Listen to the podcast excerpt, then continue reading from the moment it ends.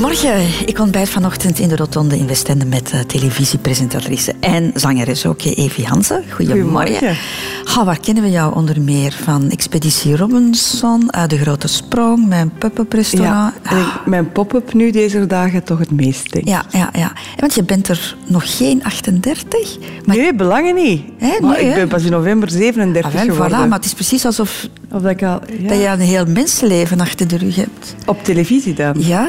Ehm, ja, ik heb die opmerking onlangs nog gekregen. eh, dat, dat de journalisten zei, ja, maar dat is omdat je er al altijd bent geweest. Ik nam dat dan maar op als een compliment. Maar ja, hoe oud was je toen je met Samson en Gert begon? En toen ik in het achtergrondkoortje begon, maar dat kwam nog niet echt op televisie. Allee, die shows, dan was ik... eh, ik denk dat dat in 92 was of zo. Was ik 13 of 14. En toen ik eh Sophie speelde, het nichtje van de burgemeester, was ik 15. Maar ja, ik zie dat nu zo niet als de start van een carrière toen. Hoor. Maar goed, het is toch al een goede 25 jaar. Ja. Het is een jubileum. Oh nee, nu al. Amai, dan voel ik mij oud. Nee, maar het is wel zo dat ik tien jaar geleden eh, voor de eerste keer echt mijn job had op televisie. ehm, op TMF, 1 april 2001. Dus ik beschouw het wel als dat ik nu al 15 jaar eh, in het vak zit. Klinkt zo officieel, hè? Radio 2. De Rotonde met Christel van Dijk. Evie Hansen, we gaan hier vandaag ehm, redelijk veel achterom kijken. hè. We gaan de rotonde van eh, jouw leven reconstrueren. Alle beslissingen, alle keuzes die je erop genomen hebt. Heel wat mensen vinden dat confronterend, merk ik hier. Ja, ja dat, dat kan. Ik, ik maak mezelf wijs dat ik nogal veel aan zelfreflectie doe en dat ik toch wel veel nadenk over mezelf en over mijn omgeving en hoe dat ik, ja, hoe, hoe dat ik eh, mensen kan helpen of kan inspireren en andersom. Neem jij gemakkelijk beslissingen? Moet je Heel gemakkelijk. Ja? eigenlijk heel gemakkelijk. Ja. Omdat ik, eh, dat ik, omdat, en dat had ik, heb ik al van jongs af aan, ehm, dat ik op een gegeven moment besefte van, kijk, ik geloof eigenlijk niet dat, dat je een ander pad kan kiezen dan, je, dan dat je hebt in het leven. Dus of dat je er nu heel lang over doet om dat te beslissen, of, of twee seconden, het, de keuze die je neemt, denk ik, ligt alvast is een groot woord, maar dat zal de keuze zijn die dat je zal maken. Dus Ja, en jij bent een twee seconden meisje dan. ja, twee niet, maar tien seconden of zo. Nee, nee, dat is niet waar, want dat, dat lijkt dan of dat ik onbezonnen ben of zo. En dat is zeker niet waar, maar het is wel, als ik het goed aanvoel, dan, dan neem ik een beslissing en dan kijk ik ook niet meer om. We gaan eens iets aan jouw Wikipedia-pagina doen. Dit lezen we nu, hè? Evi Greta Roberta Hansen, Zoersel 9 november 1978, is een Vlaamse zangeres en presentatrice. Enfin, er staat meer in natuurlijk. Hè, maar Het is eh, 1988. Nee, dat is niet waar. nee, dat, dat klopt. Dat klopt, ja. ja. Maar wat dat er niet in staat in die Wikipedia-pagina is de periode voordat jij bekend werd. Hè. Dat Nee. is een heel korte periode maar geweest in feite. Maar goed, je hebt een... Mijn eh, kindertijd. Ja, jouw kindertijd, toch ook eh, heel bepalend eh, voor een mensenleven. En dus we hebben die periode ook een plaats gegeven op jouw Wikipedia-pagina. Evi Hansen, geboren te Zoersel op 9 november 1978 als jongste van vier kinderen. Moeder Arlette is meteen bloedeerlijk. Die is geboren en dat was een afschuwelijk lelijk kind. Maar gelukkig voor Evi had moeder Arlette toen al drie zonen ter wereld gebracht en kon het erbarmelijke uiterlijk van de kleine Evi haar niet deren.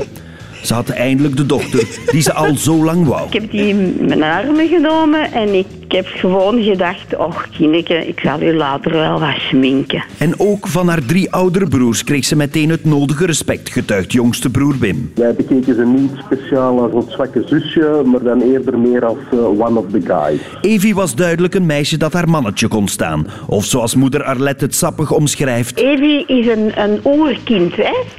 Die kon volledig zichzelf zijn zonder een tuttenbel, hè. Want die heeft alle kleren van de jongens afgedragen, hè. En dat oerkind trok ook Kelly Pfaff aan, die samen met haar op dezelfde middelbare school zat. Het is gewoon een heel gezellige, heel easygoing, niks moet, alles kan, ruimdenkend, sportief, muzikaal. Muzikaal en een echte nachtegaal, noemt moeder Arlette haar dochter. En vooral zingen, zingen en zingen. Altijd. Altijd, altijd, altijd. Zingen en op het podium staan, dat is eigenlijk haar grote passie. Het zingende lelijke oerkind werd groot. En zoals het gaat met lelijke eendjes, worden ze wel eens mooie zwanen. En zwaan Evie had duidelijk geen schmink nodig om de jongens aan te trekken. De drie oudere broers lieten de potentiële vriendjes dan ook goed verstaan dat ze hun manieren moesten houden of ze konden ophoepelen, vertelt Wim. Meestal eh, zagen we die dan nooit meer terug. En zo hielden de jongens hun kleine zus en de mama haar enige dochter zo lang mogelijk klein. Ik denk dat hij al, al zelfs in het middelbaar zat, als hij nog altijd graag in het grote bed sliep. Maar de zingende zwaan sloeg haar vleugels uit. En op 19-jarige leeftijd slaagde Evie voor haar ingangsexamen aan het conservatorium. De ruwe diamant was klaar om geslepen te worden. En de rest is history. Oh, dat is tof, zeg. Ja, hè? Ja, dat is echt heel leuk. Dat is echt tof. Maar een lelijk kind, Evie. Ja, ik was afgrijzelijk. Ja, mijn mama zei dat. Ja, maar dat kwam omdat ik, ik was drie weken te laat. Eh, in die tijd, toen, eh, toen liet ze... Ja, ze konden ook blijkbaar niet zo goed berekenen. Ze lieten dat maar zitten. En de dag dat de dokter zei, nu moet ze er echt uit, werd ik gelukkig geboren. En ik was dus toen al een beetje... Ik was toen al, vermoeden ze, vermagerd in de buik. Waardoor dat mijn vel heel los hing. En mijn, mijn voetjes en mijn handjes die waren echt al aan het, aan het bloeden of aan het afvellen. Omdat dat... Ik was al wat in staat van ontbinding. Ik moest nog geboren worden. ja, maar, maar dat was dat. Dus ik kwam ter wereld als een heel vies oud, oud kindje. Zo. Maar ja, mijn mama was kei blij dat ik een meisje was. En die zei inderdaad, ja, dan schmink ik ze wel. Van wanneer wist je dat je mooi was? Ehm, dat is een moeilijke, want ik, ben altijd, ik, heb er altijd, allez, ik heb lang eruit gezien echt als een jongen. Kort haar, gekleed als mijn broers en zo. En ehm, toen had ik wel veel vrienden die daar kwamen spelen, vriendjes. En nu denk ik dat die wel verliefd waren op mij, maar dat had ik toen niet door. En dat ik eh, mooi was, dat... Nou, dat heeft wel even geduurd, denk ik. Omdat ik zat dan in een middelbare school in een kunstrichting met allemaal ook kei mooie meisjes. Dus. Eh, in de lagere school alvast niet. En in het middelbaar werd ik omringd door vrouwen die nog veel, veel, veel mooier en beter waren in alles. Dus toen ook niet. Dus. Ehm, ik, ik, het is pas de laatste jaar dat ik misschien besef dat ik geluk heb met mijn hoofd. Met mijn kop. Maar ik heb daar ook zelf geen verdiensten aan. Want dat zijn de genen van mijn ouders en mijn familie. En dus vind ik dat... Ja, vind ik dat niet iets... Ik ben er wel blij om, omdat dat makkelijk is. Maar ik, dat is niet een kwaliteit, zal ik maar Maar zeggen. het is toch makkelijk in de job die je doet, hè? Het is makkelijk in de job die ik doe, ja, maar da- daarom ben ik nu ook blij nu dat ik wat ouder word. eh, dat dat niet het enige is als ik er al zo lang in zit. Dan zal ik ook wel iets goed kunnen doen. De Rotonde. Radio 2. Radio 2. Onze eerste afslag in het leven is de geboorte. Dat is Ja. een afslag die we zelf niet hebben kunnen kiezen. Ook niet de plek eh, waar we geboren worden. Ehm, ja, we hebben het net al gezegd. Vier kinderen, drie jongens. En dan eindelijk dat meisje waar je mama zo Ja. naar verlangd had. Want dat schijnt, heeft ze zelfs gezegd. Moet ze niet hebben. Als, Als het een jongen is? Ja, ja, ja. Waarom wou ze per se een dochter? Dat weet ik niet. Dat, wil die, dat wou die al heel haar leven. Een dochter. Maar ik heb dan ook gezegd, maar mama, waarom heb je mij dan... Het was een dochter, dat was genoeg. En voor de rest kleden mij maar aan als een jongen. Ah ja, Ja. want je droeg de kleren van, van je broers. Ja, ja, en mijn haar was altijd kort geknipt. En er werd voor de rest ook echt niks... Ik heb echt moeten smeken als ik dan wat ouder was. Van, mag ik eens mooie, mooi ondergoed en zo. En dan had ze zo in de Sarma een sport-BH en een onderbroek gekocht. ik heb dat echt moeten smeken. En dan heeft gelukkig een collega van mijn mama mijn mama meegenomen naar een mooie lingeriewinkel om voor haar dochter op haar 15, 16 dan zoiets, een mooi BH'tje te kopen. Ja. Dus was de derde al een meisje geweest, was er geen vierde Nee, kind gekomen. Dus eerste was- ze is echt gegaan Nu, dat zegt mijn mama, maar mijn mama is ook eh, 36 jaar eh, eh, kleuterjuf geweest. En dat wist ze al van heel jongs af aan dat ze dat wou worden. En zij, gaat, zij heeft echt een talent om met kinderen om te gaan. Haar leven heeft altijd in het teken gestaan van kinderen. Dus ik denk dat ze... Heb je dat gevoeld zodat je het kleine wonder was? Het lang verwachte meisje? Eh, ja, ik heb mij wel heel, heel, heel geliefd gevoeld. Ik ben echt, ik ben echt eh, ge- ge- opgegroeid in, met superveel liefde van mijn mama en, en met heel veel zachtheid en met heel veel kans om mij te ontplooien en, mij, en te zijn wie dat ik mocht zijn. Zo, ik kan mij herinneren dat ik mijn moeder echt graag heb gezien. Zo, Nog altijd, maar dat ik dat als kind, dat dat echt... Ja, ja. Maar ze was ook heel erg beschermend hè, naar jou toe. Ja, maar dat is ja, langs de ene kant wel, maar langs de andere kant ook weer niet. Ik bedoel, beschermend omdat zij mij misten of zo. Ah ja, je mocht niet mee op scoutskamp Ja, en- nee, dat is waar. Maar dat kwam omdat er andere kinderen eens mee op scoutskamp waren geweest. Mijn broers, maar die bleken dan niet zo stoer te zijn als mij. En die vonden dat niet leuk. Dus moest ik wachten totdat ik dan tien was om eens mee op ponyklas te gaan. En dan vond ik dat heel leuk. En dan, ehm, toen rond mijn elf of zo, dan vroeg ik mij alsjeblieft mee met de scouts op kamp en eh, met de ziekenkas op kamp. En mijn mama, ja, oké. En ik kwam terug en ik vond dat fantastisch. En ik, sindsdien ging ik elke zomer echt niet overdreven drie, vier keer op kamp. Die moest mij van het ene kamp naar het andere kamp brengen. En ik ben eigenlijk een kampmeisje gebleven. Ik ben blijven reizen en zo. En zij vond dat heel erg. Hè? Ja, maar dat weet ik pas nu. Dus dat is wel heel... Ze heeft dat mij pas verteld toen ik eh, al een aantal jaren Expeditie Robinson presenteerde, dat ze mij zo erg misten altijd. Eh, en dat vind ik heel knap. Dat vind ik eh, heel krachtig ook van een mama die haar kind mist, maar dat niet aan dat kind zegt, omdat dat kind... Het is de bedoeling dat dat kind zich amuseert. Zij wou mij niet tegenhouden om mij te amuseren, omdat zij mij miste. Dat is ook ondergeschikt. Hè. Dat is ook niet zo belangrijk hè, als je als ouder je kind mist. Als je kind je ouder mist, dan moet je er iets aan doen als ouder. Maar andersom, niet. En dat vind ik wel knap. En dat heeft ze mij pas gezegd. Dat is pas overgegaan toen ik eigenlijk eh, zelf een kind had. Dus eigenlijk tot mijn dertig. En ik ben echt veel weg geweest in mijn leven. En lang en ver, zonder iets te laten weten.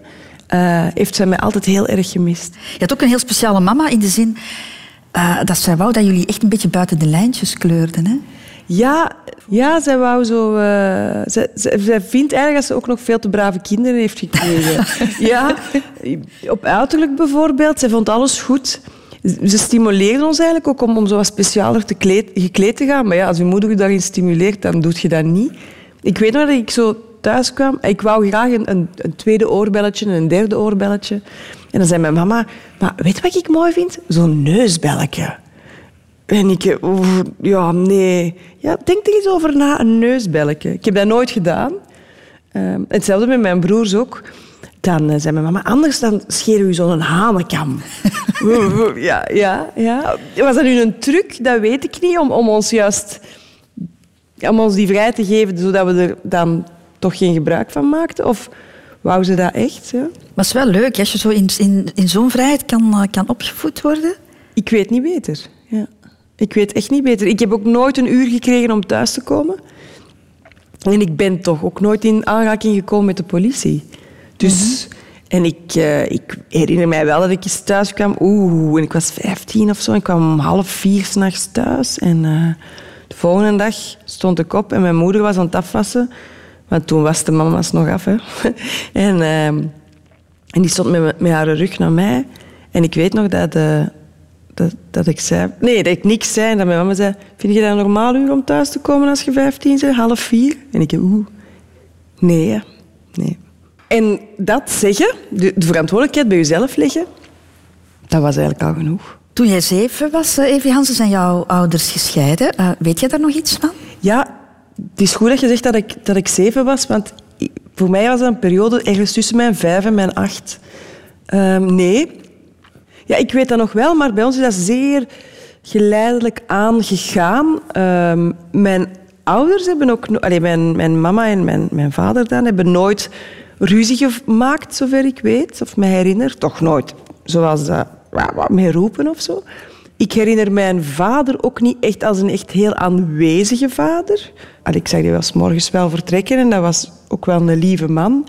En na zijn werk en dan kwam hij s'avonds thuis. Maar niet dat ik daar een hele hechte band mee had. Toch niet zoals dat ik met mijn mama een band had. En eigenlijk is die overgang... Ik leerde dan mijn stiefvader kennen, dus de vriend van mijn mama. Nou, voor mij is dat op, op een heel eh, natuurlijke manier gegaan. Want jouw mama had die vriend al tijdens het huwelijk. Ja, ja, mama, ik weet niet wat je mag zeggen. Eh, ja, dus eh, ja. Ja, dus die hebben elkaar leren kennen tijdens het huwelijk. Dus het is niet een moment geweest dat ik eh, een alleenstaande mama had, ik zal het zo zeggen. En dat is eigenlijk heel geleidelijk gegaan. En ik herinner mij ook nog wel dat dat dan werd uitgesproken dat mijn ouders gingen scheiden, mijn mama. En toen was ik even in paniek, want destijds, dat was dan midden jaren tachtig, toen, eh, ja, toen, toen kwam dat zo op dat mensen scheiden en dan alle kinderen hadden er dan trauma's van en dat was heel erg voor de kinderen. Dat hoorde ik dan op de radio en zo. Op de radio was dan zo van kattenkwaad tot erger, denk ik, met kattenliedjes. En dan werd er ook de kindertelefoon ingeschakeld, dat je zo kon bellen eh, als kind als je met vragen zat over iets. En ik weet nog dat mijn mama zei, ja, ehm, papa en ik gaan scheiden. En dat ik toen even in paniek was, omdat ik dan dacht dat er iets heel erg ging gebeuren. Met jou dan? Kinderen hadden toch verdriet als hun ouders gingen scheiden, dus dan zou dat bij mij toch ook wel eh, eh, gebeuren of zo. En dan heeft ze mij eigenlijk heel gerustgesteld. En ehm, dan zei eh, want ik denk dat ik dan zoiets zei, een drama, dat ik zei, ja, maar dan heb ik geen vader meer. En dan zei mijn mama zo heel droog, "Eh, jawel, dus je hebt je papa, je hebt ook nog de staf, je hebt Hans, Koen, Wim, mijn broers, je hebt eh, de Piep, mijn grootvader. Dus als je een vaderfiguur wilt, allez, je kunt eruit kiezen. en, eh, en dan is die is staf bij ons komen wonen, terwijl dat mijn vader wegging. En natuurlijk, nu weet ik ook wel dat het, omdat ik zelf ben gescheiden, dat dat minder makkelijk is dan dat ik het heb meegemaakt, hè, voor, voor mijn ouders zelf. Maar het feit dat ik dat zo heb ervaren, vind ik dat wel positief. Dus eh, nee, voor mij is dat eigenlijk heel rustig gegaan.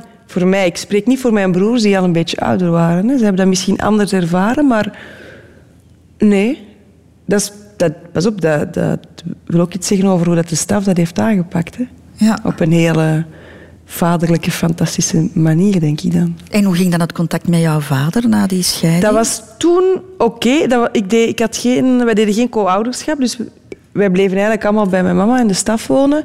En wij waren vrij om naar mijn papa te gaan. En eh, daar stonden ook geen regels op. Wij moesten daar niet naartoe, wij mochten daar naartoe. Ach, dat was niet geregeld. eh. Nee, dat was niet geregeld.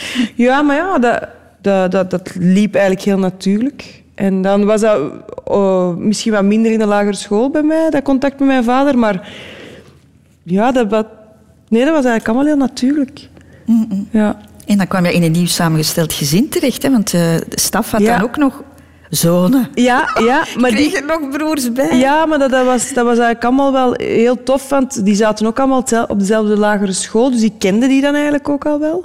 En dat was ook wel zo dat die, eh, die kwamen dan in de weekends, want die wisselden wel af tussen hun papa en hun mama. Die kwamen dan in de weekends en eh, ja, dat was eigenlijk een hele toffe... Dat, ik vond dat allemaal heel tof. Maar je hebt je wel moeten, moeten weren, denk ik toch? Hè?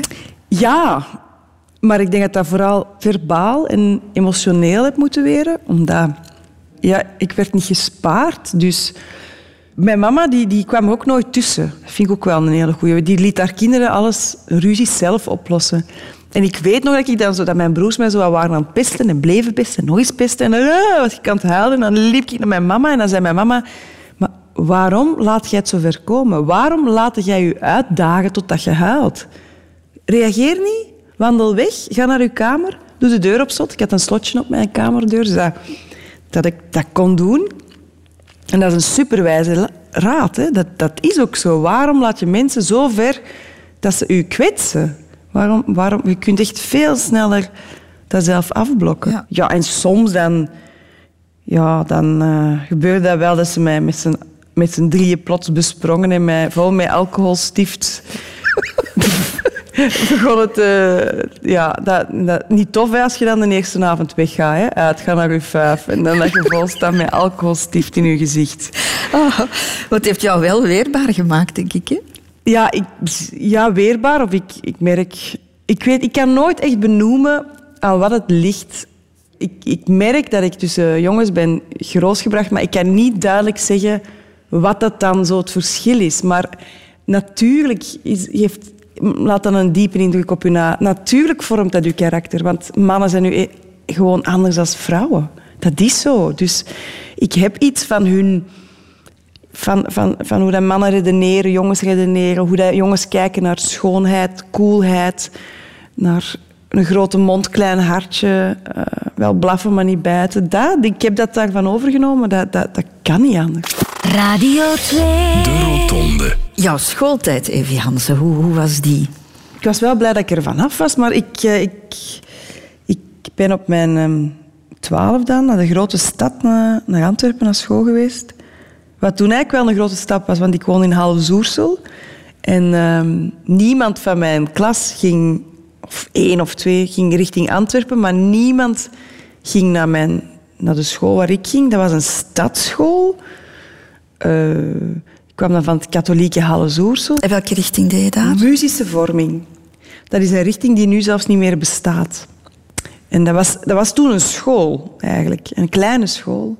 En wij kregen alle... Dat was toen ASO of zo, algemene vakken. eh, dus wij kregen ook wiskunde en al die dingen en, en aardrijkskunde. Maar onze keuzevakken werden gevuld met eh, expressie, eh, toneel, ballet, muziek.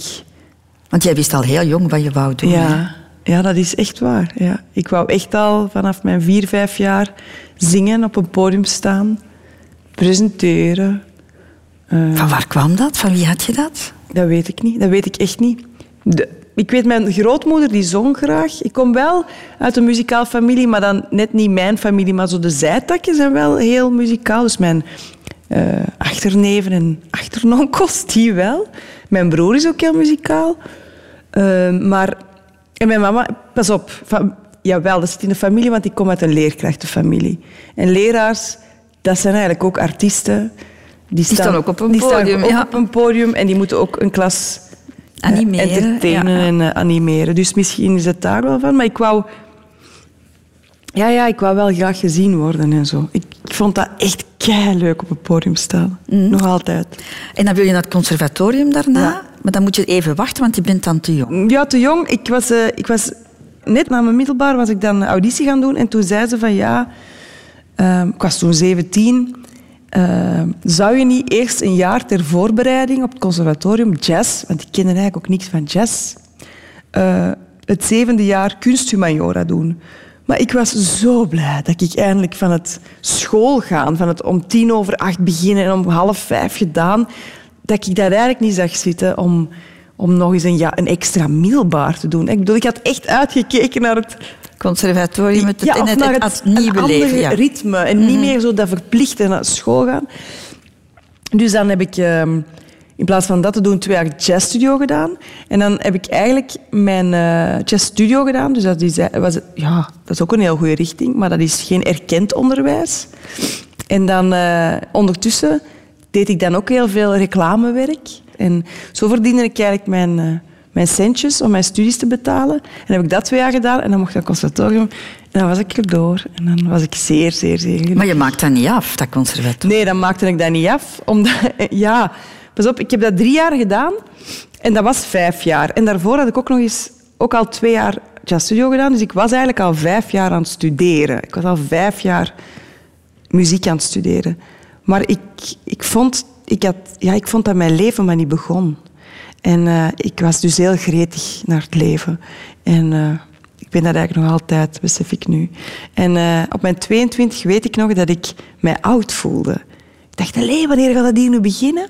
Enfin, en toen ben ik eigenlijk, heb ik, zag ik een, een advertentie staan in eh, de Humo. En daar stond, zie jij een plek achter de camera wel zitten? Stuur dan uw cv naar TMF. En dan heb ik dat gedaan. Ik heb ook echt gewoon gesolliciteerd.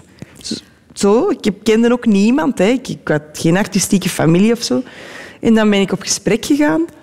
En dan ben ik een eh, screentest moeten gaan doen. En dan mocht je beginnen. En dan mocht ik beginnen. Maar jouw leven had al vroeger kunnen beginnen, op je achttiende, want je wordt dan tweede in een toch wel belangrijke wedstrijd, Ja. eh, Look of the Year. Klopt, de modellenwedstrijd, En Een modellenwedstrijd, waaronder meer Cindy Crawford en Ja. Giselle Bundchen eh, zijn, zijn uitgekomen. En jij wordt dat tweede. Ja, in België, hè? Ja, ja, ja. ja, de hoofdprijs was als je eerste werd, dan mocht je sowieso naar de grote finale gaan in, in het buitenland. Maar ik werd dan tweede. Ik kreeg heel veel publieksprijzen. Publieksprijzen, persprijzen en zo. En ehm, toen hadden ze mij wel gezegd van ja, we gaan u wegsturen. We gaan u naar eh, Parijs sturen en naar Tokio en Milaan. om dan ehm, castings gaan doen om te zien wat dat geeft. Maar ik had er eigenlijk ook niet op gerekend. Ik dacht, ik ga dat ofwel winnen ofwel niet. En ehm, toen, eh, ik had toen in een tijd ook een, een vriendje die heel jaloers was. En die zag dat eigenlijk allemaal niet zitten. En dan heb ik dat eigenlijk niet gedaan. Ben ik ook meteen terug vier kilo bijgekomen. Ben ik op twee weken tijd, de ochtend na die wedstrijd, ben ik echt boterhammen met choco beginnen smeren. Want ik had mij toch echt uitgehongerd voor die wedstrijd. Maar eigenlijk stom, want je had misschien een internationaal model kunnen zijn als dat vriendje, als dat vriendje er niet was geweest. Ja, maar dan wel een internationaal model misschien sowieso met een eetprobleem. Want ik ben niet zo dun van mezelf. En dan was het mij misschien iets te makkelijk. En dat, ja, dan had ik me misschien gewenteld in dat mooi zijn, in, in dat... eh, ja, sowieso had ik dat niet, weet ik nu, sowieso had ik dat ook niet boeiend genoeg gevonden, denk ik. Want ik, ik ben toch wel een vrij mondig iemand met een eigen mening en een eigen visie. Dus ik denk dat ik dat dan ook niet lang had volgehouden. Denk ik. ik. Dus dat is geen gemiste afslag geweest. Weet je, ik zeg eigenlijk nog altijd dat die modellencarrière dat die er nog wel aankomt op mijn 50. Ah ja. Als ik nu geen botox laat doen, ik laat niks, ik word gewoon ouder en ik ga tegen mijn 50 naar Amerika, dan ben ik daar een unicum en dan heb ik een karakterkop en dan begin ik daar opnieuw een modellencarrière. Dat is mijn plan eigenlijk. En ik meen dat. Radio Radio 2. Over de afslagen van het leven. De Rotonde. Wat mij bij jou erg opvalt, eh Evi Hansen, is jouw keuze om alles te durven. Ja? Ja, Zoals? jij doet alles zonder verpinken. Jij eh, gaat auditie doen bij TMF. Jij bent zelfs niet zenuwachtig op dat ogenblik. Nee, ja, mm, ja, maar ik doe ook alleen maar de dingen dat ik weet dat ik het kan. Hè. Dus, wel ja, ja, zenuwachtig. Ja, ik doe gewoon heel erg- mijn best altijd. Maar Om nog maar een voorbeeld te geven, je krijgt een aanbod om op de sportredactie te beginnen. Ja. Jij kent niks van sport en jij zegt ja. Ja, maar, ik heb, ja, maar ze wouden mij echt. Want ik heb echt gezegd, ja, maar ik ken nog collega's, ook jonge meisjes, en die kennen heel veel van sport. Dat heb ik echt nog gezegd, maar ze wouden mij. Dus ik zeg, ja, oké, tof. En, op, en als dat er dan van komt, als ik ja zeg, dan heb ik mij ook wel echt... De, ja, dan, dan dompel ik mij ook echt onder in de sportwereld. En dan laat ik alle sportkaterns van alle kranten en dan, dan bijt ik mij er ook wel in vast. Het schijnt dat je zelfs niet wist hoe je Giro moest uitspreken. ik heb dat moeten vragen. Maar hoe wel een afgang is dat? Aan, aan Katrien van. Eilen. Ja, Ja, want jij komt er dan echt wel in een mannenbastion terecht. dat was hè? ook echt... En ik kwam echt recht van TMF eigenlijk. Ik was 25. En dat was echt... Ik was echt zo... Zij zagen me ook echt zoals dat huppelpupje van wat komt die hier doen? En ik droeg van die felle kleurige truitjes. En ja, op zijn TMF's. Hè. Maar ik heb daar wel heel veel geleerd qua presenteren ook. En ik ben wel iemand... ehm, als je mij een kans geeft en je gelooft in mij, dan ga ik er ook echt voor. Ik wil ook altijd bijleren. Ik ben niet bang van kritiek. Ik ben niet bang om af te gaan.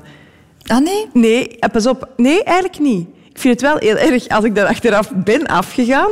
Dat wel natuurlijk, dat gebeurt gewoon. Dat je iets niet goed doet. Maar als je zo maar half altijd alles doet, uit angst om iets fout te doen, ja, dan komt er niks van. Maar dus die sportredactie, ja, en dat was ook heel met eh, Tom Konings en Dirk Abrams. Oeh, als, eh, als hoofdredacteur, denk ik, eindredactie, met een dan eigenlijk. En eh, ja, dat was dan ook zo'n strenge. En ehm, ja, en dan al die mannen. En ik weet nog, ja, ik wist toen ik bij Sportsa begon, ik wist eigenlijk niet dat dat, dat, dat zo serieus zou zijn. Ja, maar...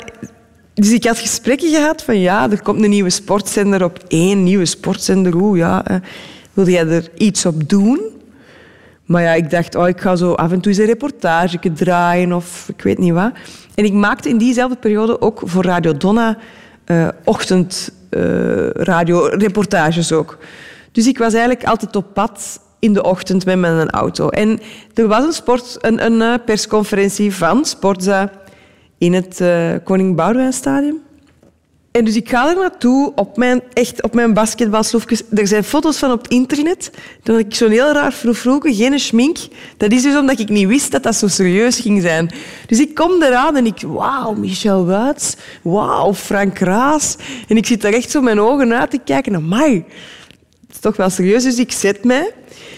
En ze beginnen te vertellen van... Ja, en een nieuwe sportzender en dit en dat en dit. En dit zijn de drie ankers. Dus ik zit te kijken. Tom Konings, een hele bio over sport. En uh, Katrien van Eilen, een hele ding over sport. En, en Evie Hans. En ik... Oh, en mijn foto. En ik, en ik was echt verbaasd dat ik anker werd.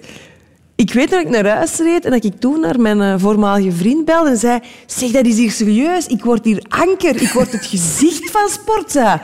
Ik had dat helemaal niet verwacht dat, dat, zo, dat ze mij er zo gingen zetten. Ik was nog wel ont, ont ja, dat had ik niet verwacht. ja. Lichte vorm van paniek toen? Nee, toch? ook niet. Zelfs, nee, dan doen we dat. Hè. Ja. Ah, ja.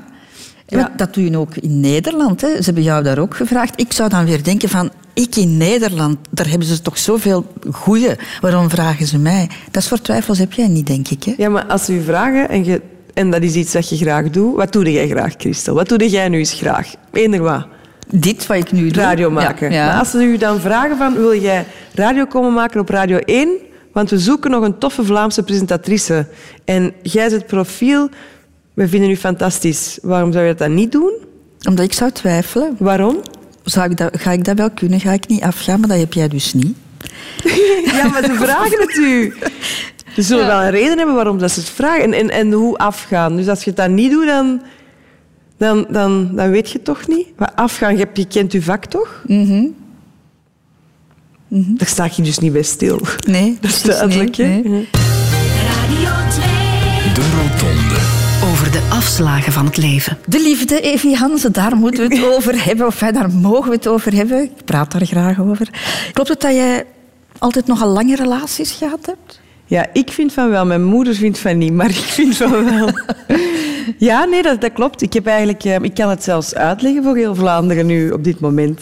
Ik heb van mijn 16 tot mijn 18 een vriendje gehad. Van mijn 18 tot mijn 19. En dan van mijn 19 tot mijn 24. Dan van mijn 25 tot mijn 33. En dat was met Fred, de man ja. waar je ook mee getrouwd bent. Ja, en waar ik twee kinderen mee heb ja. gekregen. Hè. Ja. Dat trouwen, dat was iets dat jij per se wou, hè? Ja. Ja, ja, dat was omdat ik dat denk ik rock en roll vond. Omdat ik dat wel tof vond. Ik was toen ook nog vrij jong, 6 of 27. Dat is zoiets dat niemand deed, eigenlijk, in mijn vriendenkring. Nog steeds niet. Dus ik denk dat het dat ook wel een beetje was, dat ik dat cool vond of zo. Mm -hmm. ik, ik vraag me af waarom, want in interviews zeg je over die periode en over die relatie dat die toen, dat, dat toen een gevecht was. Ja, achteraf bekeken. Hè. Ik bedoel, um, uiteindelijk zijn daar twee liefdevolle kinderen uitgekomen. En hebben ook een hele, waren er ook hele fijne jaren. Hè. We zijn negen jaar samen geweest. Maar um, ja, dat, dat, ja, als je dan ouder wordt, dan leer je misschien wel uit dat wij misschien niet voor elkaar de juiste partners waren. Wel een heel goed team waren wij. En dat doen we nu nog altijd wel met onze kinderen. Maar ik denk qua, eigenlijk qua karakter en instellingen, dat wij gewoon niet, niet te matchen waren. Dat eigenlijk het fundament waarop dat je eigenlijk een relatie moet bouwen, dat dat bij ons niet goed zat. Maar je bent nog, toch nog lang samengebleven, negen jaar. Ja, zeker. Ja, maar als ik uh, mij eenmaal aan iemand overgeef, dan, uh, dan ga ik er wel voor. Hè. Ik ben een sterke vrouw. En uh, ik geloof ook wel heel erg in de liefde en dat je er moeite voor moet doen. En, ehm, dus ja, ik vind dat ook niet zo gek dat je keihard probeert om er koste wat kost iets van te maken. Ook met er kinderen waren misschien? Ja, alhoewel dat we al langer samen waren voordat de kinderen er waren. Dus um, nee, daarvoor ook. Ik vind het gewoon heel jammer dat het ons uiteindelijk niet is gelukt, want eigenlijk hadden we alles in huis. Als je het op een afstand bekijkt, zeker.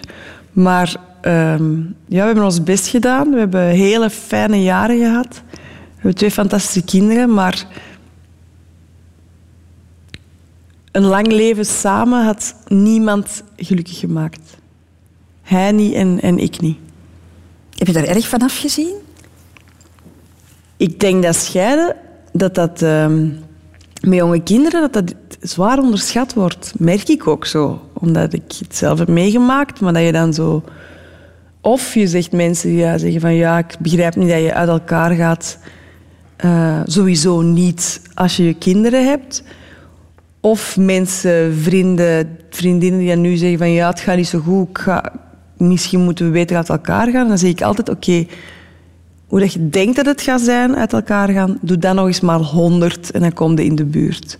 Ik vond dat heel jammer, vooral jammer. Ik vond dat echt, dat is toch wel een falen. Dat is toch iets dat je moet verwerken, ja, ja, als eh, een huwelijk niet lukt. Want je, ik zeker, ik begin altijd een relatie met het idee dat het voor altijd is. En vind je dat je er genoeg moeite voor gedaan hebt? Ja, heel veel. Ja. Ik, de- ik zou niet uit elkaar kunnen gaan als ik, het, als ik mezelf dat verwijt zou nog, als ik mezelf nog zou kunnen verwijten van had ik maar wat meer moeite gedaan. Ja, dus daar moet je je niet schuldig over voelen. Ja, schuldig voelen is sowieso al iets dat niet veel opbrengt. Hè? Als je je schuldig voelt over iets wat je, wat je ook een heel mooi... Je hebt ook iets heel mooi gedaan. Hè? We hebben ook wel eh, hele toffe jaren meegemaakt. We hebben fantastische kinderen. We doen nu op een hele mooie manier... Zorgen we allebei voor onze kinderen, maar we wonen dan niet meer samen. Maar we zijn nog wel samen met mijn papa. En ehm, wat ik ook heel mooi vind, is... ehm, eh, of mooi, ja, is hoe dat je als mama en papa, ook als je gescheiden bent, dus blijft evolueren. Hè? Dat je ook de relatie onderling verandert. Ehm, dus je moet blijven met elkaar communiceren en je moet blijven toegeeflijk zijn met elkaar. Je moet blijven zoals een zeer goede collega of zo. Je moet blijven moeite doen omdat je draait te, hou- draaiende te houden, omdat je die kinderen hebt. Ja. Dus je kunt niet je eigen ego eh, volgen en zeggen, "Eh, hij doet vervelend, ik wil hem nooit meer zien. En nee, want dat is de vader van uw kinderen. Dat is het grootste geluk van uw kinderen. Dus het is uw taak dan om dat ook te vinden. Je moet dan ook wel de partners er soms bij pakken. Hè? Ja, ja. Ook niet altijd makkelijk. Hè? Kijk, ik zeg altijd... Fred heeft destijds met mij een heel goede keuze gemaakt. dus waarom zou ik nu ineens zijn, zijn smaak betwisten? Je bent zelf nu terug samen met iemand, een Nederlander, Ja. al, al, al twee jaar. Je woont Ja, één- nog niet zo lang. Nog niet zo lang? Nee, nee, nee. Dat speelt eigenlijk geen rol. maar je bent, niemand je, je bent samen Ja, met ik ben iemand, hè? samen, ja. Maar jullie hebben ook een speciale manier van samen zijn. Hè? Want je woont één week daar en één week in Vlaanderen. Nee, dat is ook niet waar. niet waar. Nee, dat is ook niet waar. Je moet, je moet niet alles eh, geloven wat er in de boekjes staat. Hè. Ah, Nee, leg nee, het eens uit. Nee, nee, maar ik woon, eh, ik woon in Antwerpen. Eh, sowieso, dat is mijn huis, dat zijn mijn kinderen, dat is mijn gezin, dat is mijn familie. Eh, daar woont een groot deel van mijn vrienden. Ik werk natuurlijk ook in Vlaanderen, dus ik ben hier heel vaak. Maar ik pendel wel heel vaak naar Nederland, dat klopt.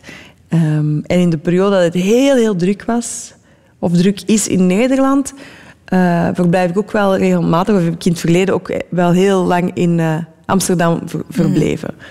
Eh, maar dat is echt pendelen op en af. Ehm, en nu dat ik een vriend heb, hij woont in Utrecht, eh, ja, pendelen wij ook op en af. Ja. Een latrelatie. Een latrelatie, ja. En dat vind jij oké? Ik vind dat, eh, eh, ik vind dat heel goed eigenlijk. Ik vind dat, voor ons twee komt dat absoluut het beste uit. Hij heeft ook twee kinderen en ehm, ik denk dat je er ook heel voorzichtig in moet zijn.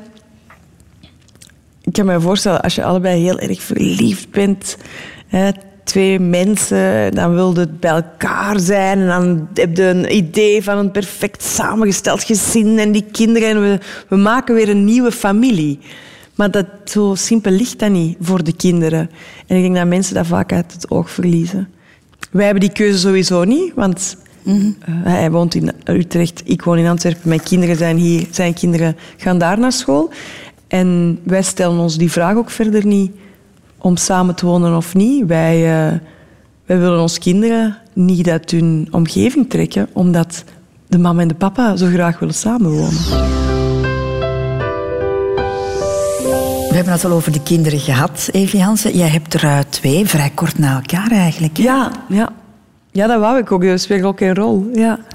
ik wou eigenlijk nooit kinderen. En toen, ehm, toen ging ik nadenken over kinderen. En toen was ik ineens zwanger. En toen kwam Scout eruit. En toen ehm, verliet ik het moederhuis. En toen zei ik van... eh, binnen de twee jaar zie je mij terug.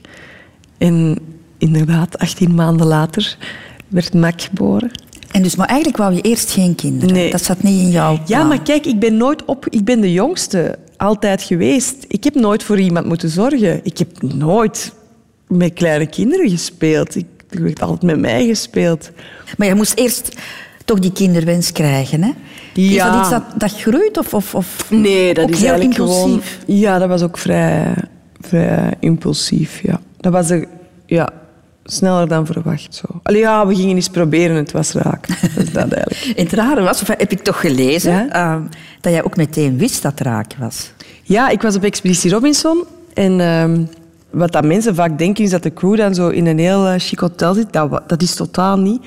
We zaten van die, die vuile backpackershutjes met zo'n klein douche met een wc daarin en dan een grote vuile spiegel. En ik weet nog dat ik onder een douche stond en, ehm, en ik keek naar mezelf in mijn blote en ik zag naar mijn borst en denk, oh, oh, oh, wat zit er hier in het water? En ehm, dan was ik ook al een paar dagen over tijd, maar ik dacht, ja, dan moet dat toch echt lukken. Ja, Fred en ik hadden nog eens afscheid genomen van elkaar vlak voor ik vertrok. en eh, dat was... eh, en, en het was zover. En dan komt hè, Mak er, er heel snel aan. Ja, Makje kwam... ehm, ja, na een jaar was ik terug in verwachting van Mak. Maar jij zat in die periode ook heel veel in het buitenland voor Expeditie Robinson, maar jij nam je kinderen Ja, ik nam die mee. Ja, ja. Dat zou ook niet iedere ouder doen, denk ik. Nee, ik weet het. Ja, ik wel. Nu, ik wist ook naar waar ik naartoe ging. Hè. Dat is ook wel belangrijk. Ik wist waar ik naartoe ging. eh, waar in Maleisië. Ik kende die plek. Ze waren nog jong, hè? een paar maanden. Eh, Scout was drie maanden, ja. Maar eh, dat was vooral handig, hè, want ik was zijn mama. Hè. Ik bedoel, ik weet wat het beste is dat voor een kind van drie maanden. En ik kende de crew ook. Ik bedoel, er zijn dokters aanwezig. Ehm, tegenwoordig, ja, Maleisië, dat is, dat is, daar is ook alles aanwezig. Hè. Vooral op voorhand gecheckt van... ehm, zijn daar, is daar babyvoeding? Ik koop ze net dezelfde babyvoeding als ik. Dus ja, zo'n kind van drie maanden... Scout was een heel, heel makkelijk tof kind. Het enige wat dat ook nodig was, was eh, liefde, melk en dat is het. Hè. En was het ook omdat je ze niet zo lang kon missen? Ik heb er eigenlijk niet over nagedacht. Ik vond gewoon, ik nam dat gewoon mee, dat kind. Tuurlijk. En ik wou blijven werken en ik nam dat mee. En dat is perfect gegaan. De eerste maand is eh, mijn beste vriendin gekomen om ehm, mee te helpen. En de tweede maand is, eh, is Fred afgekomen. Maar ja, iedereen die dat kinderen heeft, makkelijk babytjes heeft gehad, weet ook dat tot zes maanden slapen die overal, slapen die heel vaak. En dat was heel tof, want dat, moest gewoon, dat het was er zo warm, dat deed geen kleren aan. Hè. Dus de, dat lag je altijd in zo'n blootje. Dat, dat ging van arm tot arm. Ja, dat, dat, was, dat was echt geen probleem. Heb je het moeilijk gehad om eh, na de scheiding om de kinderen een week niet te zien? Dat gaat op en af, dat is nog altijd wel... eh, ik, denk- ik heb het er nu... Denk ik nog, nu begin ik ze echt wel meer te missen. Alhoewel ik het dat dan ook niet tegen wil zeggen dat ik ze ga missen. Omdat ik... eh, ik, heb, ik, ik heb mij... Allez, de kinderen hebben niet gekozen om week om week van hun mama naar hun papa te gaan. Je groeit daarin. Je groeit daarin. En ook niet. Dat went en dat went ook totaal niet. Maar gelukkig heb ik eh, met Fred zo wel een goede band dat, eh, dat wij wel flexibel naar elkaar kunnen zijn. En dat wij de kinderen mogen altijd bellen. We wonen ook niet ver van elkaar. Maar ze hebben toch plotseling een, een, een leven waar jij, of een stuk leven waar jij geen deel meer van uitmaakt. Hè? Ja, dat klopt. Maar daar sta ik zelf zo op die manier ook niet van stil. Ik weet, ook daarin betrekken we elkaar. hè. Ik bedoel, ik weet, eh, als ze een nieuwe bed krijgen, dan ga ik eens kijken. Hè. Als ze verhuizen bij, bij hun papa, dan ga ik mee in dat huis kijken. En dan, oh, mooi. En als, als Fred bij mij is en, eh, dan, en, en er is iets veranderd, dan laat ze dat ook zien. Dus we geven onze kinderen wel... eh, ja, ze moeten wel voelen dat ze bij allebei welkom zijn. En dat er bij de ene ouder die regels zijn Ja. en bij de andere... Hè, want dat is ook Ja. belangrijk. Hè? Ik denk dat kinderen daarin ook flexibel zijn. Zo bij de oma mag je ook veel meer dan op school. En bij, scho- en bij een één vriendje thuis mag je dan weer dat niet. En bij mama zijn die regels en bij papa die regels. En ze leren zich aanpassen, wat ook belangrijk is, denk ik, voor ja, een kind. Hè? twee heel flexibele, toffe kinderen die daar heel goed in hun vel zitten. Heel leuke kinderen zijn dat. En ik zeg dat niet alleen, hè. Iedereen zegt dat. maar ik, ik zeg nog wel het meeste van allemaal. Evie Hansen, jij bent eh, meter van het psychiatrisch centrum eh, Betania in, in Zoersel. Ja, eigenlijk van eh, Stigwa. En Stigwa, dat is eh, een vereniging die in het leven is geroepen om eh, het taboe rond psychiatrie in Soersel een beetje te doorbreken. Omdat, ja, dat is daar een groot psychiatrisch centrum. Ehm, en dat is eigenlijk een vrij klein dorp, of, een groot dorp, Peter. Ja. Ehm, en die mensen die lopen daar dus rond en die leven daar. En, eh, en blijkbaar is dat ook wel nodig om, om, om de inwoners en de ja, mensen uit te leggen wat, wat er juist gaande is. En Ja, bij jou heeft het te maken uiteraard met jouw Ja. broer Koen, hè, die, Ja. die, eh, die daar eh, verblijft. ja, Hè? ja, dat klopt. Nu, mensen kunnen voor korte tijd in Ja. de psychiatrie Ja. opgenomen worden, maar bij jouw broer is het uiteraard een, Ja. een, een ander probleem. Hè? Ja, dat is... Ja. Jij bent ermee geconfronteerd geweest toen, toen je twee was. Hè? Is dat bij hem begonnen? Hè? Ja, hij is eh, problemen. Hè? op zijn zeven jaar al tikkend van school toegekomen. Wat bedoel je al tikkend? eh, dat hij Met tics, ja. ja. ja. dus hij ehm, kwam met uh, geluidstics thuis. Hij zei eh, eh, dat. Maar toen in de jaren tachtig, ja, wisten we dat we, we wisten van niks. En dan is een zoektocht begonnen eh, bij eh, klassieke geneeskunde, alternatieve geneeskunde, paardbloesems, kaartenlegsters, ehm, gezinstherapieën, gedragstherapieën, terug naar je vorig leven gaan, hersenscans, eh, bloedonderzoek, alles. Maar er kwam eigenlijk niks uit. Pas veel, veel later, rond zijn 17, denk ik, is Gilda Tourette dan geconstateerd. Maar ja, Gilda Tourette is ook maar iets klein. Eh, maar, maar bij Koen heeft, heeft veel meer. Hè. Heeft ehm, depressief ook heel erg. En toch ook wel schizofreen. Ehm schizofreen, eh, wat dat dan niet hetzelfde is als, eh, als verschillende persoonlijk, gespleten persoonlijkheid hebben. Dat is nog iets helemaal anders. Dus Koen hoort wel stemmen, maar hij weet ook wel dat dat niet echt is. Maar ja, die stemmen geven Koen dan een depressief gevoel. Paranoia ook wel. Ja, Hoe, hoe zwaar weegt dat op je gezin, Evie? Ik weet natuurlijk niet, niet beter. Hè? En ik denk dat mijn mama toch ook altijd wel moeite heeft gedaan om dat eh, mooi te verdelen. Om niet altijd alle aandacht naar Koen te laten gaan. Koen is ook wel zijn lagere school ook. Eh, hij was wel veel ziek, maar dan fysiek ziek, veel keelontstekingen en zo. Maar voor de rest ehm, was dat ook een hele slimme, leuke kerel die daar niet te hard gepest werd op school of zo. En ook in zijn middelbaar eh, heeft hij dat eigenlijk de eerste vijf jaar heel tof goed gedaan. Ook veel vrienden. ehm, maar natuurlijk was er altijd wel die zoektocht naar... Ja, er is iets met Koen en wat is het? Ik heb er veel van opgestoken, omdat ik eigenlijk van jongs af aan geconfronteerd ben geweest met A, iemand die dat niet is zoals iedereen, maar eigenlijk wel zoals velen, weten we nu, zoveel jaar later. Maar ook altijd doen aan zelfanalyse. Je neemt er iets van mee als je op gezinstherapie gaat. Als, men, als dokters u vragen over uw broer als je jong bent, hoe dat, dat is. Als eh psychologen ook met u als zusje babbelen. Als je open aan tafel bespreekt wat het, ja, hoe dat Koen zich voelt, hoe dat we kunnen helpen.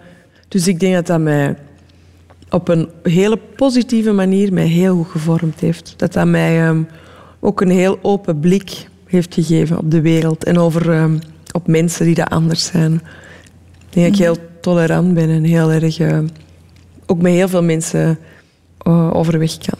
Is dat iets dat erfelijk is, eh, Evie? Zit dat in de genen? Ja, ja, ja, maar in de genen. Zo zoveel mensen hebben psychische problemen. Misschien als Koen nu was geboren, dan denk ik dat zijn leven er wel anders had uitgezien. En dat zegt hij zelf ook. En daarom wil ik ook dat taboe nu doorbreken. Dat jonge mensen, kinderen, sneller geholpen worden.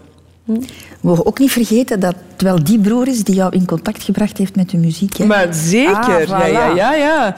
Want eh, grappig, mijn oudste broer Hans en mijn jongste broer Wim, ze gaan dat niet graag horen, maar die zijn amuzikaal. Allee, ja, ça va zo. Want dat vinden ze niet tof als ik dat zeg, hoor. Die spelen geen muziekinstrument, zal ik zeggen. En Koen is zeer, zeer muzikaal. En ik ben met Koen van jongs af aan altijd, we hebben ook altijd samen muziek gespeeld. Hij gitaar, ik zong. Hij heeft mij in contact gebracht met blues en met soul en met funk, met een Elvis, met de Rolling Stones, met B.B. King, met goede muziek. Dat is absoluut zijn verdienste, ja. Dus wat zeggen we dan? Dank u wel, broertje. Dank u wel, zeker, zeker. Radio 2. De Rotonde. Ik ga ook altijd op bezoek bij iemand eh, uit de omgeving van mijn gast. Iemand die mijn gasten heel goed kent. En voor jou moest ik het niet zo ver gaan zoeken. Ik ben gewoon naar de studio's van M&M gegaan. En ik ben daar eh, naar Rijmen. Anne Rijmen toegestapt. Zo, met de vraag van, typeer even eens. Evie doet gewoon haar eigen ding en wat dat de rest doet, she couldn't care less. Eigenlijk is het zo, ja. Ik, want ik dacht een gepast antwoord hierop te verzinnen, maar eigenlijk interesseert haar echt geen hol wat dat een ander doet. Nee. Nee, omdat zij doet wat dat zij denkt dat het beste is.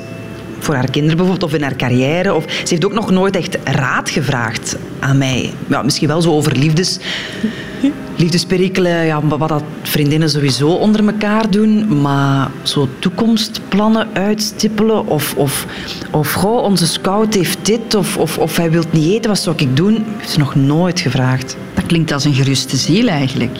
Eigenlijk wel, ja. ja. Ik heb Evie ook nog nooit boos gezien of ambetant zien lopen. Evie is eigenlijk soms irritant vrolijk. en eh, dan denk ik van, ah, doe eens niet zo vrolijk altijd. maar ja, Evie is gewoon gerust. Heeft ook een goede relatie met, met haar ouders, met haar broers. Is opgegroeid tussen broers. Dus die heeft wel een beetje dat no-nonsense en trek je plan maar, hè. En dat doet ze ook wel. Ze trekt heel hard haar plan. Wat is volgens jou haar slechtste eigenschap? Oh, slecht, dat vind ik moeilijk, hè. Ik ben bij haar bevriend omdat ik haar leuk vind, natuurlijk, hè. Eh, slecht. Ja, bij Evie, het interesseert haar niet hoe dat haar huis erbij ligt. Hè. Als de jongens een tent hebben gemaakt of we spelen cowboy en indiaan en dat ligt daar de dag nadien nog zo, so be it. Ik was al aan het opruimen tot s'nachts. Ah, dat is geen slechte eigenschap. Hè. Eigenlijk is dat weer een goeie, want zij kan het loslaten. Ik kan het niet loslaten. Maar... Oh, slechte eigenschappen. Als ze ze niet heeft, heeft ze ze niet. Hè? Zo simpel is het. Hè? Ja, maar dan geef ik haar ook veel te veel credit.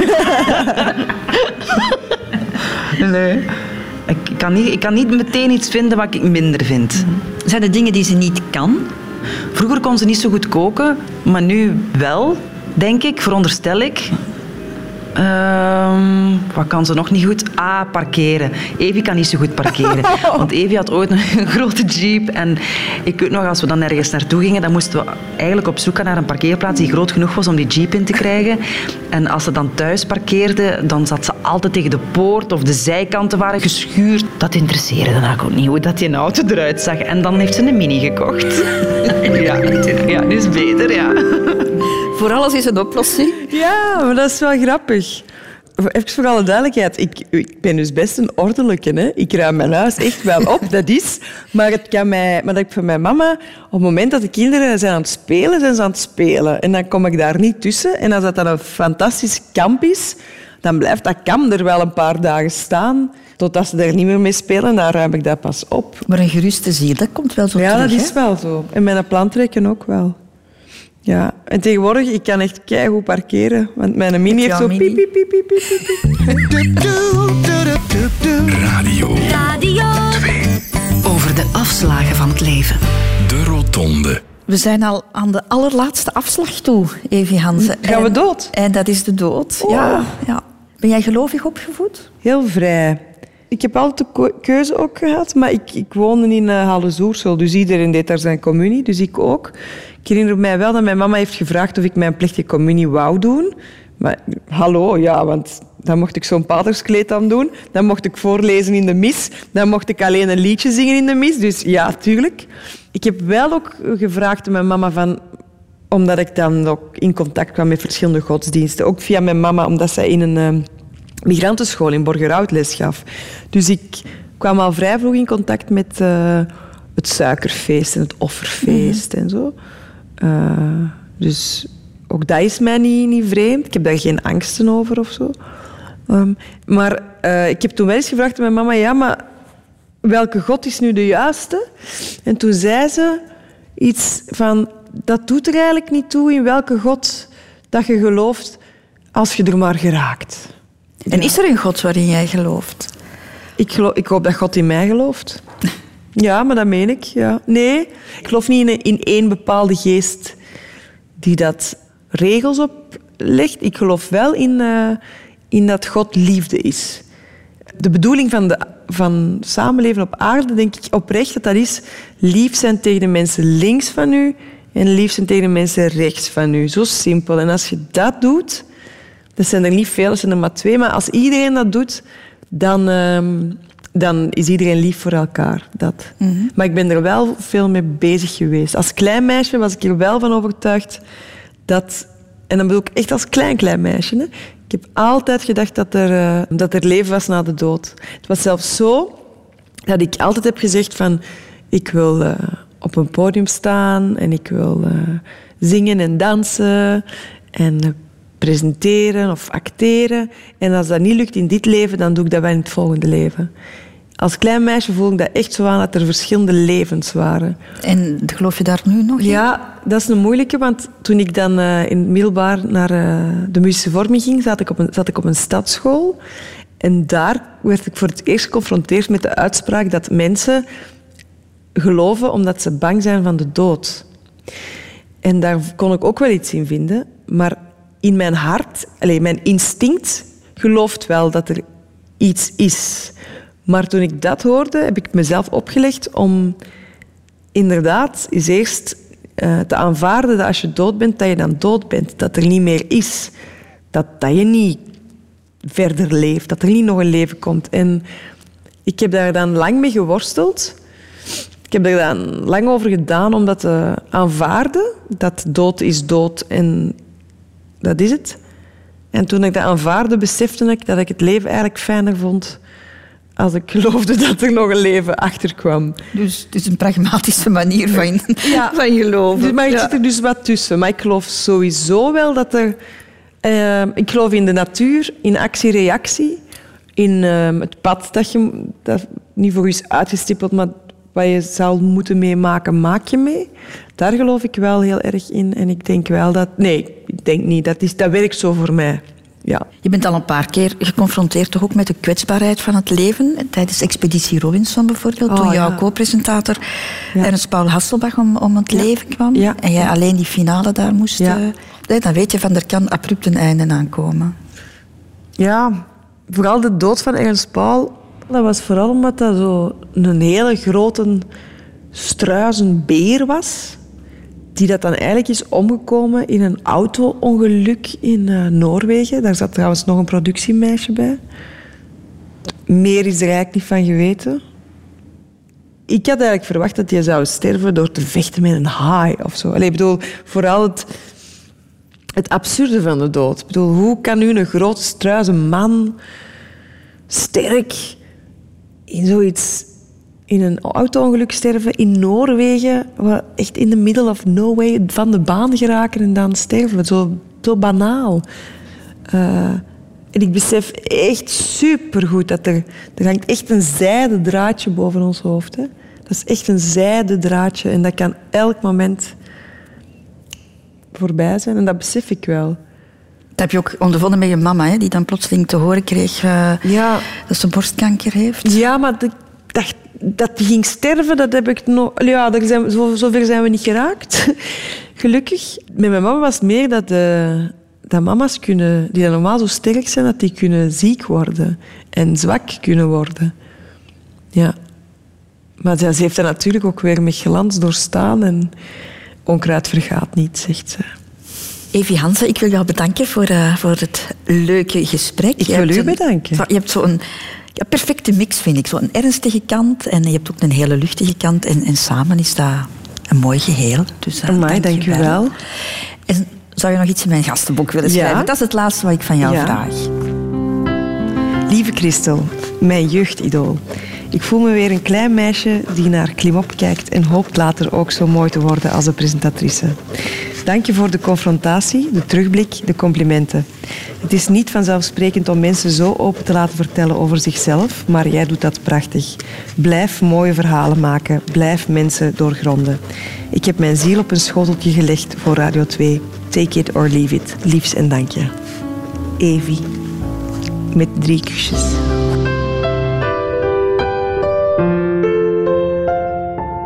Radio 2.